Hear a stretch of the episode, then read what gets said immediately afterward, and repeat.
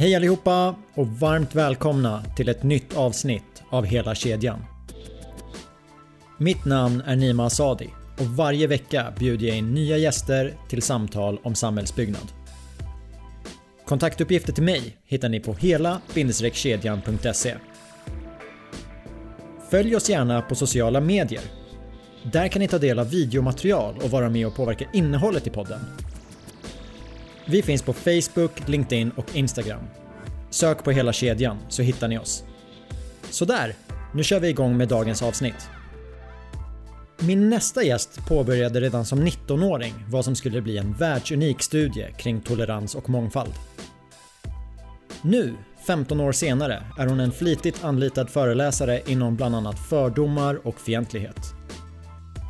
Hon har även skapat ett verktyg som kallas Lika olika-metoden och som bland annat används inom värdegrundsarbete i ett 80-tal skolor, runt 100 företag och i över 30 kommuner. Låt mig presentera Mary Jusela.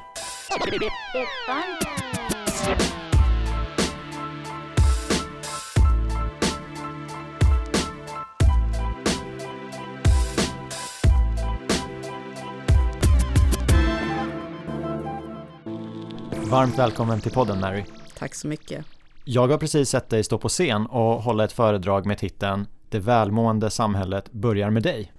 Och jag måste säga att jag blev väldigt tagen av din presentation. Det, det kändes i, i hjärtat. Men det är ju faktiskt inte därför jag har bjudit in dig, för att jag bjöd in dig till podden för länge sedan. En av anledningarna till att jag bjöd in dig är att du som 19-åring påbörjade någonting som skulle bli en världsunik studie kring tolerans och mångfald. Nu får du berätta. Vad gjorde du för något? Eh, jag kom som 19-åring från en uppväxt av, eh, vad ska man säga, totalt socialt utanförskap. Eh, jag är mörk, adopterad från Indien. Bodde i ett samhälle som heter Bålsta. Fick ta emot spott i ansiktet, slag i magen och glåpord eller det allra värsta när folk bara tyst går förbi. Och blev såklart en produkt av det jag hade varit med om och kunde inte när jag tog studenten med skyhöga betyg, men med en självkänsla som var i botten, förstå varför, vad gör så att människor måste säga och göra elaka saker? Vad krävs för att få dem att sluta?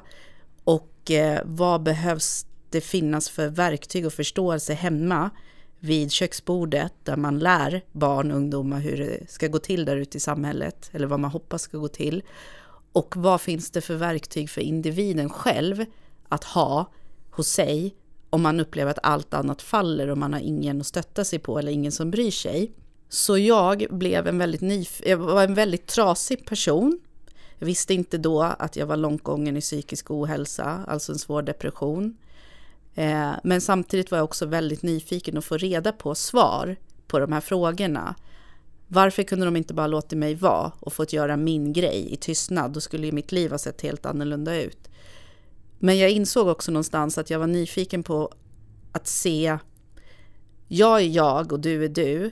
Jag har min, mitt utanförskap i min hudfärg. Men vad händer med Martin då, som blir kallad för Bullen och har en stor kroppsform? Vad händer med Pernilla som har akne över hela ansiktet och blir kallad för prickig korv? Eller Robert som var lång och blev en flaggstång?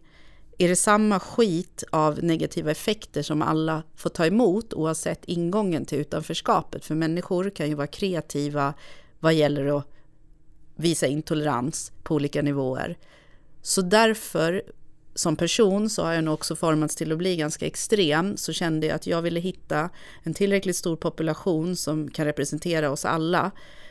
Att tala om vad är det för underliggande faktorer som driver oss till olika beteenden och vad finns det för verktyg att hitta för att hitta de positiva beteendena, bemötande, inkludering och respekt och civilkurage och självledarskap och tolerans.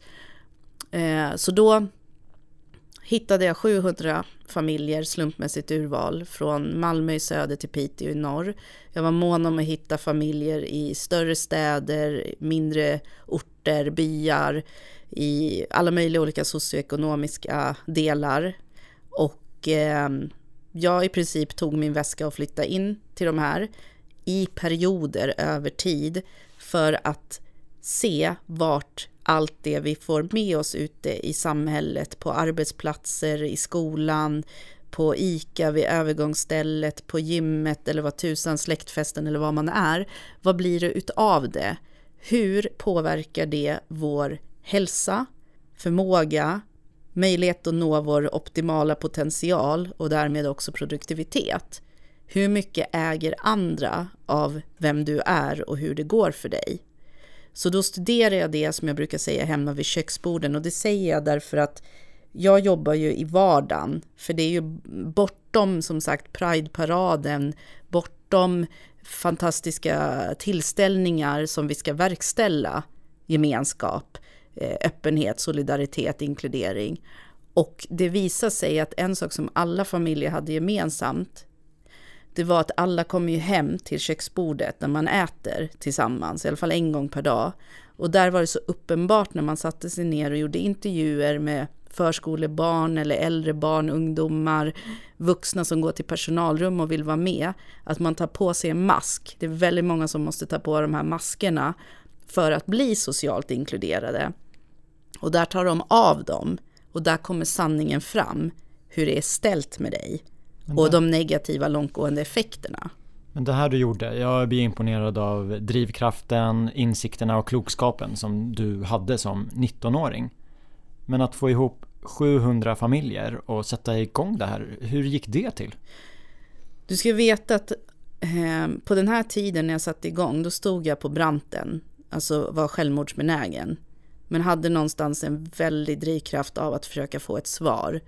Eh, mår man på den nivån och sen har man lite, som jag brukar skoja, så här finsk sisu, att man jävlar anamma, det är liksom överlevnadsinstinkt och den får en att orka. Eh, plus att jag bara behövde ha svar.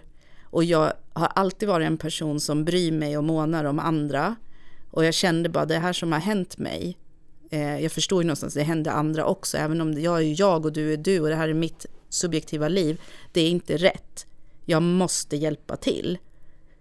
Jag brukar säga så att jag valde att inte hoppa och istället valde jag, och det var verkligen ett aktivt val, att jag måste försöka göra någonting. Och när jag har den här studien med tio år bakom mig, där jag liksom har suttit och studerat dig i tio år och din utveckling över tid, jag har ju saker att komma med som kan kompletterar väldigt bra andra saker som är så allmänmänskliga så varenda människa från tre års ålder kan förstå. Så någonstans skulle jag vilja säga att för mig är nog drivkraften bara att jag faktiskt bara bryr mig och jag känner att jag tror gott om människor. Och jag vill verkligen säga att jag jobbar med så ofantligt stora mängder människor i alla möjliga situationer och positioner och former och sexualiteter och politiska åskådningar. Men gemene man är faktiskt väldigt schysst. Men gemene man är också någonstans väldigt, väldigt ensam och eh, förbisedd. Och det är väldigt många som har masker på sig. Men sätter man sig ner och pratar med folk och ser bortom och ger sig fasiken på att se det, det är väldigt många som öppnar upp och då bildas det de här broarna som jag pratar om och det ger ju också energi att fortsätta. Och du satt där vid köksborden när de här 700 familjerna tar av sig masken. Vad tar du med dig för lärdomar från den här studien? Ja, men lärdomarna är ju vilka negativa konsekvenser vi ger varandra av till exempel slentrianmässiga fördomar som egentligen inte är ditt ägande utan det är någon i din närhet som har gett dem och du har inte ifrågasatt dem för du har inte ens kommit på att du kan göra det. För det är ingen som har talat om det. Eh, eller eh, skämten. De här evinnerliga skämten om hur dum i huvudet någon är eller åh du har klippt dig, fan vad ful du är och du får gå tillbaka. Och bara vad ska jag göra med den informationen? Du har precis sagt att jag är ful, jag ska se ut så här i tre månader men det jag gör är förmodligen stå och skrattar högst av alla för det gör så förbannat ont så jag vet inte vad jag ska göra. Alltså jag är ju som en fluga på väggen i mitt jobb och sen tar jag och gå bort från att vara flugan till att gå till dig och prata, det här hände just, berätta hur det kändes. Och någonting som är tydligt med så mycket människor och sen utöver de här 700 familjerna, så nu i, sen 1 januari 2015 när jag grundade Lika Olika, då har jag ju liksom utbildat snart 45 000 till, som många av dem är kartlagda också i 84 samhällen. Och det är så himla lika det är det som är så häftigt. Det är ju ingen nyhet egentligen, inget nytt under solen. Men gud vad vi människor är lika. Vi har ju samma grundläggande behov. Och bara med lite, lite hjälp så kan jag hjälpa dig att se det. För det handlar om att få den här som heter hjärtat, att komma in i ekvationen till den här fantastiskt avancerade hjärnan. För det är hjärtat som någonstans appellerar till din fria vilja. Och det är ju sant, vill man så kan man. När man pratar om det välmående samhället så tänker jag spontant att intolerans och eh, utanförskap, det är två saker som inte hör hemma där. När du pratar om de här två, då skiljer du på att prata om det på individ och på gruppnivå. Kan du förklara skillnaden där? Precis. Intolerans och utanförskap.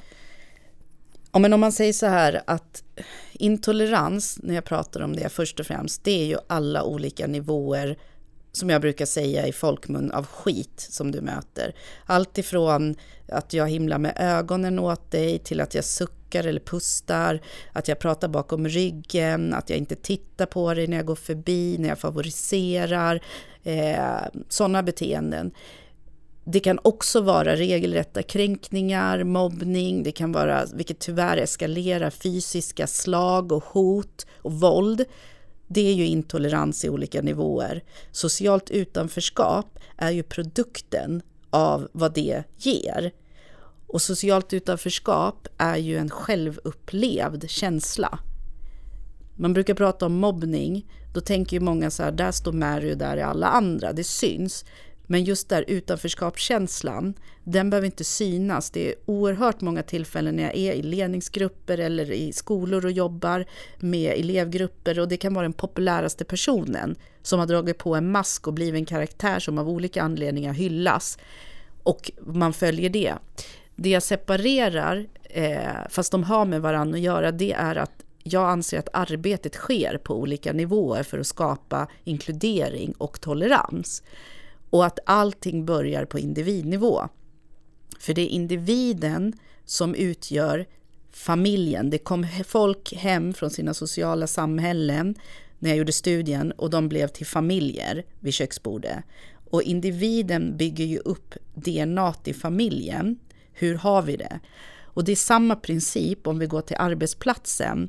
Där kommer individer att komma från sina hem där de har fått saker från samhället och då bygger de upp DNA till arbetsgruppen, vad som är rätt och vad som är fel. Och det i sig bygger ju upp lokalsamhället, alla dessa hem bygger upp vad det är vi läser i lokalblaskan för någonting.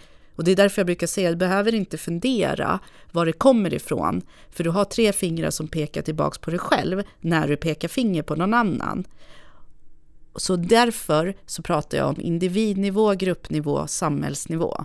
Om vi tar på gruppnivå och kopplar det till arbetsplatser. Så under din presentation idag så visar du upp en slide där det står att empatin har minskat med 40% de senaste 30 åren. Hur påverkar det här våra arbetsplatser? Det påverkar på så vis att till exempel, som lika olika, vi mäter ju väldigt mycket eh, hur folk mår, måendet som vi pratar om här som tema. Eh, hur, hur mår människor på individ och gruppnivå? Och eh, en gallupundersökning som har kommit ut visar ju att 87 procent av anställda runt om i världen mår inte bra på sina arbetsplatser och därmed presterar inte bra. Det jag har märkt med våra undersökningar är att det är uppemot 95 procent här hemma. Jag tyckte 87 var högt när jag såg eh, den bilden. Kan det verkligen stämma? Är det 87 av mina 100 kollegor som inte trivs? Ja, och här och då ska du veta att det jag relaterar till är såklart de sektorer, industrier och eh, arbetsgrupper runt om i Sverige som vi jobbar med. Men det är alltså en bredd, en mångfald på det. Och hur märks det? Jo, det märks att det är jättevanligt med härskartekniker. Det är jättevanligt med favorisering, som kan vara allt ifrån att jag säger hej på morgonen till bara vissa. Att jag eh, liksom förfördelar, eh, jag ger inte en ärlig chans. Det är jättemånga som lever med eh, liksom riktigt hemska saker de får ta emot av kollegor på internet, på sociala medier. Eh, fördomarna om gemene man i olika gruppkonstellationer är superstarka. Och fler och fler, som jag brukar säga, av de här fingrarna som pekar på någon annan. Där någon annan tar sig rätten och säger, ja men Nima du är si och du är så, för det vet jag, för det har jag hört. Det märks också. Det är exempel på det hårda klimatet som faktiskt enligt också då forskning från Columbia University visar att empatin är brutalt låg. Det finns ju verktyg man kan ta till om man vill förbättra miljön. Jag tänker vi ska fokusera på möjligheter ett tag nu. Som ingenjör så blev jag glad när jag såg en formel på din hemsida och där stod det SQ plus EQ plus IQ är lika med en stark individ med hög potential. Kan du förklara formeln? Vad, vad står de här bokstäverna för? IQ är det ju väldigt många som är fokuserade kring. Eh, jag brukar för att göra det enkelt säga att IQ det är ju de här formlerna och paragraferna och de är jätteviktiga, det finns ingenting som säger att inte det är viktigt. Men intelligens har ju mer att göra än vi säger logik och matematik. SQ, det är ju social intelligens, hur man för sig, hur man bemöter människor. EQ, det är ju emotionell intelligens, att liksom till exempel ha förmågan att känna empati. Och det som studier och forskning visar och som jag också stöttar med den studie som jag har gjort och det arbete jag gör, det är att de föder ju varandra. Alltså det, jag brukar ibland tänka att herregud, det är ju inte hjärnkirurgi. Eh, man behöver inte vara någon professor, utan om jag kommer in med all min potential, om vi kallar det IQ, eh, min produktivitet, eh, och jag har 100 procent. Om jag nu ska behöva dag ut och dag in gå in i en arbetsmiljö, oavsett vad jag är, där du behandlar mig på ett dåligt sätt för din SQ är låg, eller EQ, det är väl självklart att du kommer att minimera min IQ. Så det betyder att genom att hjälpa människor att få en förhöjd social förmåga, därmed också emotionell förmåga, så kan vi höja IQn som oftast behövs i många olika arbetspositioner för att jobba fram till exempel det välmående samhället. Förutom den här stora eh, undersökningen med alla familjerna så du träffar ju väldigt många företag och människor i din vardag. Och om jag är en företagsledare som säger ja men Mary, jag vill, jag vill faktiskt investera i SQ och EQ eller om vi ska förklara dem i sociala och emotionella kunskaper här på företaget. Men jag är osäker på vad det ger för effekter. Har du några exempel som kan övertyga min ledningsgrupp om att vi ska satsa på det här? Men ett exempel som är väldigt konkret, ekonomiskt konkret på så vis, det är ju som jag sa, att i min studie så har jag sett att om du inte beter dig på ett sätt som appellerar till mina känslor, som är trevligt, eh, bemötande, inkluderande, du ger mig en sportslig, ärlig chans, då kommer jag inte kunna producera och leverera. Och det jag tog fram som siffra är ju att 60 procent av min förmåga reduceras. Så om jag tänker då som en företagsledare, du har ju anställt mig eller tagit in mig och gör ett jobb. Jag, måste, jag ska ju maximera mig själv, gärna till 150 procent. Men istället kanske jag får ett tillkortakommande och bara leverera 40 procent. Det ger ju sig självt att det är en dålig investering. Men det är väl ganska lätt att vifta bort att det där gäller inte mig. Jag vet inte vem du har kollat på i din undersökning. Har du något konkret exempel att, ja men vet du vad? Företag A de gjorde det här och det ledde till det här och så fick jag höra det här omdömet. Eh, absolut, utan att säga då företagsnamn.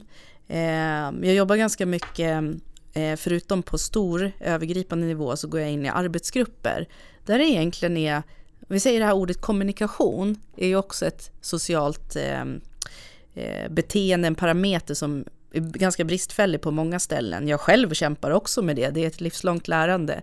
Men där till exempel är det ganska ofta att jag får hjälpa till arbetsgrupper att tolka vad någon annan eh, menar för någonting och att hjälpa människor att försöka koppla förstår ni mig rätt, koppla bort känslorna och bli mer sakliga till förmån också för det stora nyttan av att kunna sitta sida vid sida och jobba framåt. Ett konkret exempel är att många arbetsplatser, jag jobbar med företagsledare, de lägger ungefär en arbetsdag i veckan på att lösa konflikter och medarbetare som i princip, det låter inte klokt men det är på den nivån på många ställen att jag kan inte prata med Nima så jag går till min chef som istället får prata med Nima. Tänk då om vi skulle kunna prata direkt och om vi dessutom skulle kunna tro gott och vi dessutom skulle kunna förstå att vi behöver inte ens gilla varandra, men vi kan fortfarande sitta här och jobba mot samma mål.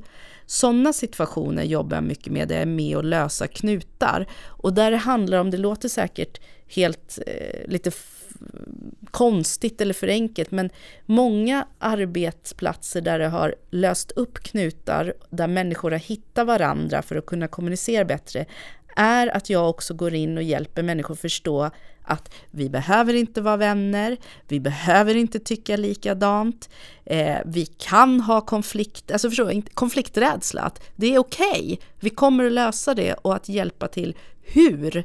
Man pratar med varandra.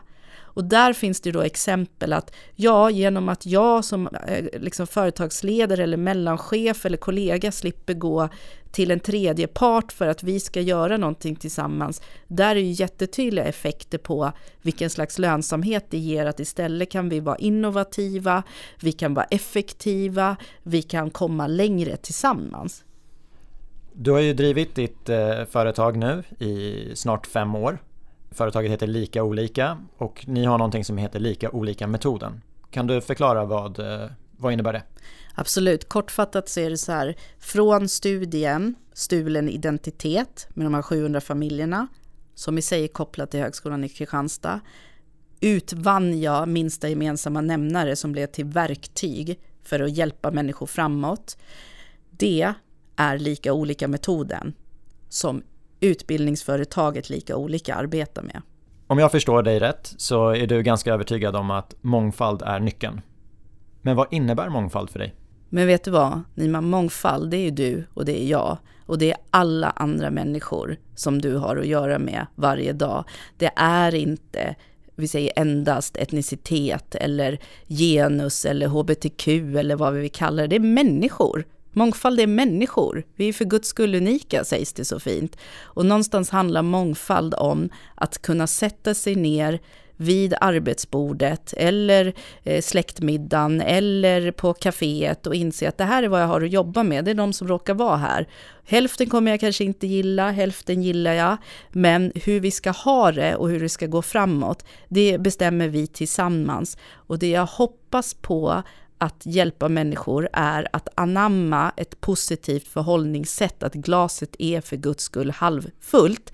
För det blir mycket roligare för dig själv och vi är ju oss själva närmast och det blir också en lönsam win-win situation.